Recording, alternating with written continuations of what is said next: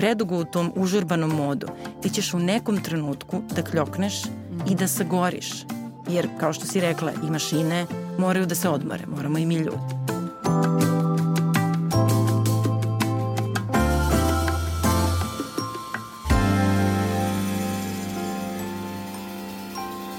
Dobrodošli u podcast Kako da izgradite dobar život u produkciji velikih priča. Ja sam Ana Mitić, novinarka i urednica u Velikim pričama i Nedeljniku.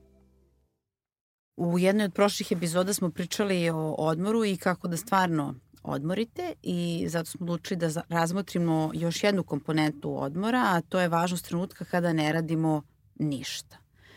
I mašine prave pauzu, postoji ono dugme stop, a mi ljudi neki od nas ne staju nikada. Uh, zato je važno da nekada ostanemo u svojoj zoni komfora ili da ne radimo ništa. Uh, priznaću da sam delom inspiraciju za ovu temu našla u jednom fenomenalnom tekstu koji je pisala Ina Poljak za velike priče. Tekst je pod naslovom Pravda za zonu komfora. Uh, I ona poziva na tu pravdu zbog svih onih smarača koji ponavljaju mantru da treba da se izađe iz uh, zone komfora zamera na tome što svi oni podrazumevaju da smo mi uvek spremni, orni i voljni da rušimo nekakve svoje granice, da se razvijamo, učimo i savladavamo nove stvari. Problem je u tome, kaže Ina, što to prosto nije tako i što sve te mantre nikad ne uzimaju u obzir trenutni životni kontekst osobe koje se, koje se uh, obraćaju. Znači nismo stvarno uvek u fazonu da izlazimo iz zone komfora i ne možemo kao mašine da non stop budemo uh, produktivni. Međutim, nekim ljudima je zaista teško da ne rade ništa, čak i kad je vreme odmora, a to je sada. E, zbog čega? Da, to je odlično pitanje i prije nego što ti odgovorim na njega, stvarno najtoplija preporuka da uz ovaj podcast pročitate i inin tekst. Ja sam ga baš danas šerovala na Instagramu kao preporuku da sebi damo malo nežnosti i dobrog humora, jer je inin tekst baš to. On nas nekako poziva na to da naučimo da budemo nežni prema sebi, to je čisto mnogo lakše reći nego zapravo uraditi, a to je kroz dozvolu da budemo u zoni komfora.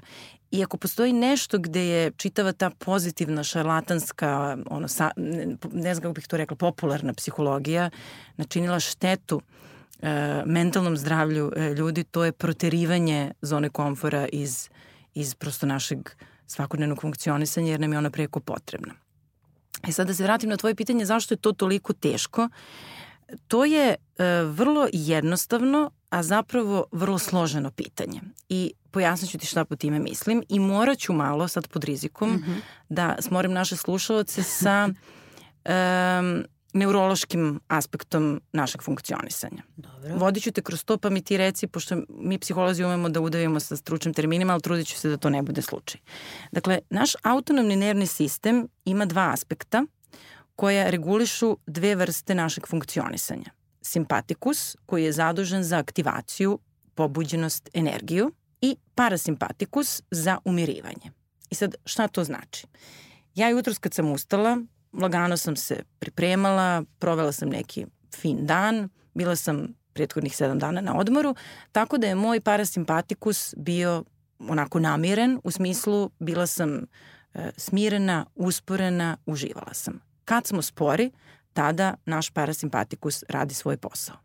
Kada se ubrzamo, kao recimo u jednom trenutku kad sam pomislila da ću da zakasnim na ovaj mhm. podcast, mm -hmm. simpatikus mi daje energiju, pokreće me, pokreće čitav moj sistem da ja stignem, da uh, uradim, da pogledam pripremu za naš podcast i slično. Sve ovo sam ja naučila od svoje psihoterapeutkinja koja se bavi telesnom psihoterapijom, Slađe Đorđević, koja mi je pomogla da shvatim šta se desi kada se zaglavimo u simpatikusu. A šta to znači?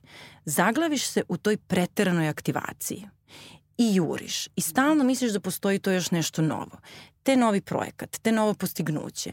Prosto ne možeš da staneš i ta zaglavljenost u simpatikusu je upravo odgovor na tvoje pitanje zašto mi ne možemo da se odmorimo. Mm -hmm. Zato što imamo neki subjektivni osjećaj da ako stanemo, propašćemo. Nešto će strašno da se desi i to često zapravo može da bude reakcija na neka rana traumatska ovaj, E, rane traumatske događaje, sad da ne ulazim u to, ali mi smo prosto naučeni da idemo kroz život sa tom jednom mašinerijom odbranbenih mehanizama gde se zaglavimo u simpatikusu i samo jurimo kroz život da bismo postizali, postizali, postizali. S druge strane, kada smo zaglavljeni u parasimpatikusu, to je ono što se najbliže opisuje kao depresivno raspoloženje, potištenost, usporenost.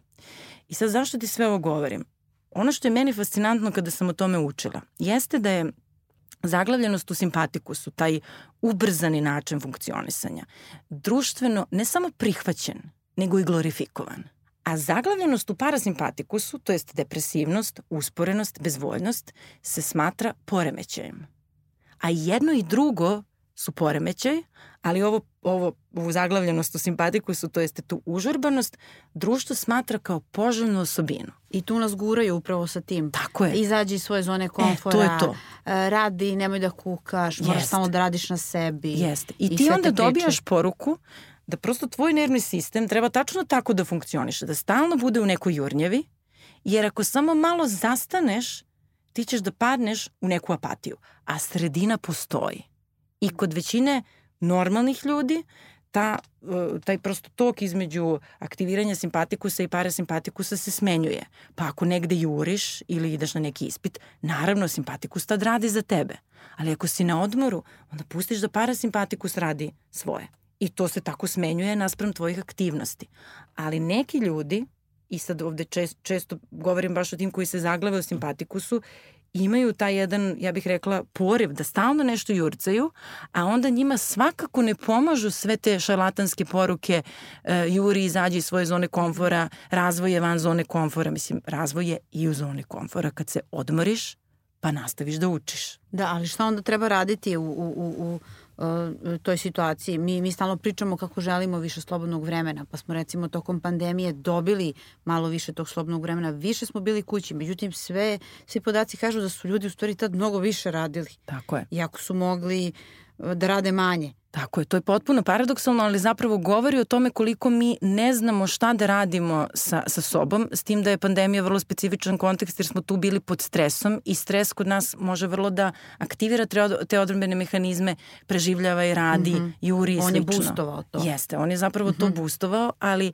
ono što mislim da je ovde nekako e, važno podvući jeste da mi, mi ljudi e, prosto treba da imamo i jedno i drugo. Da, da taj balans između ubrzanosti i usporenosti je ono što dugoročno gledano nama može da pomogne da mi živimo dobar život, što je zapravo i svrha ovog podcasta. Jer ne, mislim, ne možeš, ako si predugo u tom užurbanom modu, ti ćeš u nekom trenutku da kljokneš mm -hmm. i da sagoriš. Jer, kao što si rekla, i mašine moraju da se odmore, moramo i mi ljudi. Da, pošto sad vreme je odmora i trebalo bi taj, po, taj deo koji se tiče posla negde e, i isključiti i stvarno bi trebalo ono kao da ne radimo ništa. A, kako kvalitetno da ne radimo ništa, znači da se stvarno mm. a, isključimo. Verujem da je to mnogo komplikovanije kod ljudi ko, koji imaju a, ovu vrstu poremećaja o kojoj da. si ti sad govorila. Da, pa evo ako je okej, okay, mogu da podelim sa tobom jedno ovaj, lično iskustvo koje mi je mnogo pomoglo i mislim da će pomoći ljudima koji su se prepoznali u tom modu užurbanosti, mm -hmm. jer to je i dobrim delom moj mod, nešto na što sam naučila da stalno negde jurcam i da ovaj, smišljam neke nove projekte.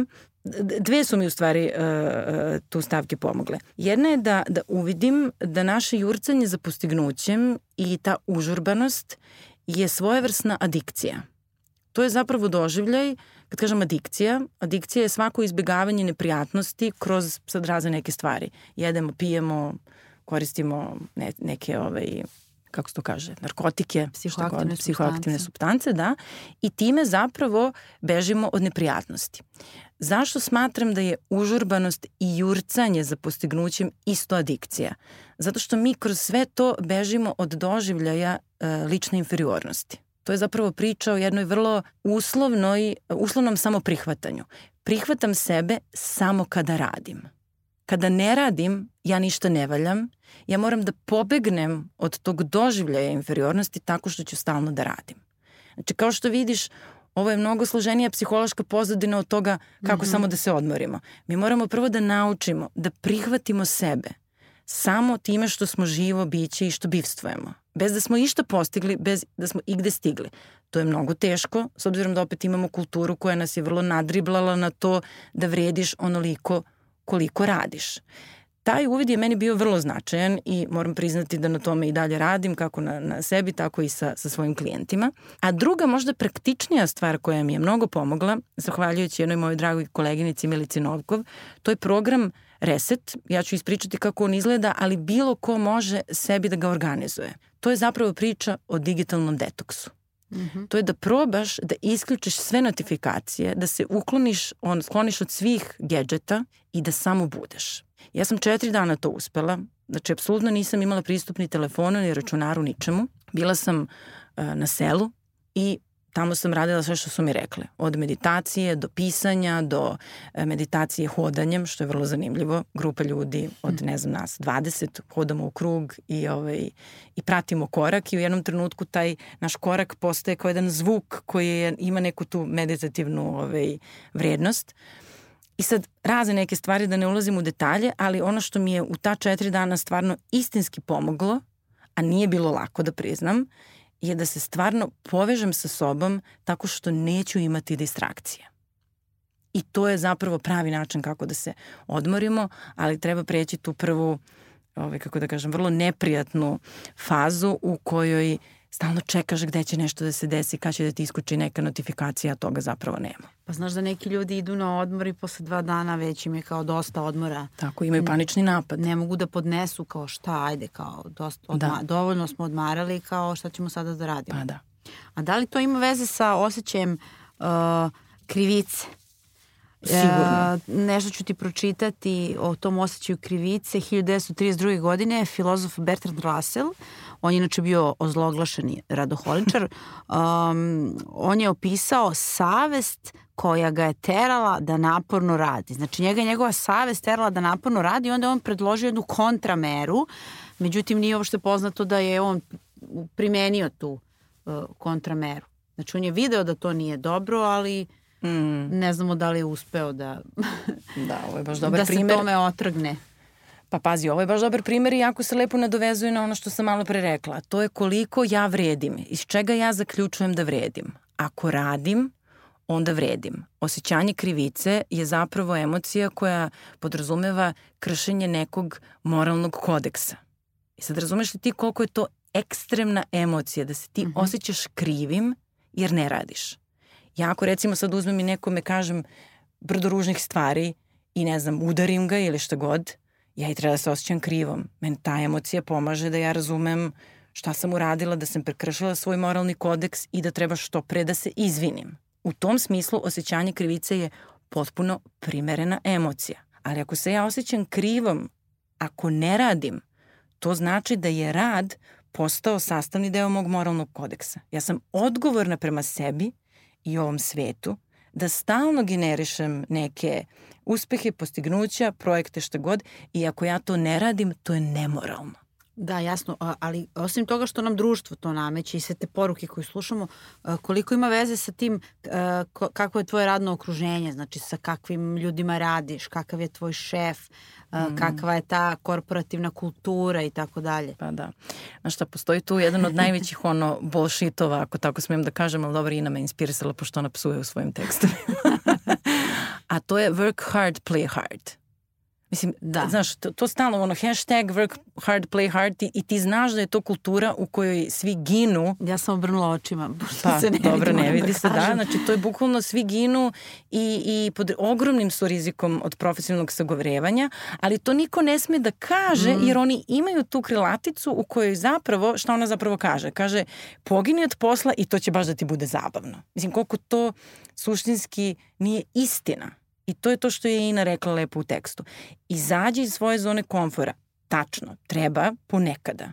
Zato što mi u zoni komfora ne naučimo ništa novo. Ali mi ne možemo stalno da učimo nešto novo jer to prosto nije normalno. Nego moramo malo da se vratimo u tu zonu komfora i da odmorimo. Pa da, ali mi ako ne odmaramo i ako nemamo dokolicu, mi onda ne možemo da budemo ni kreativni.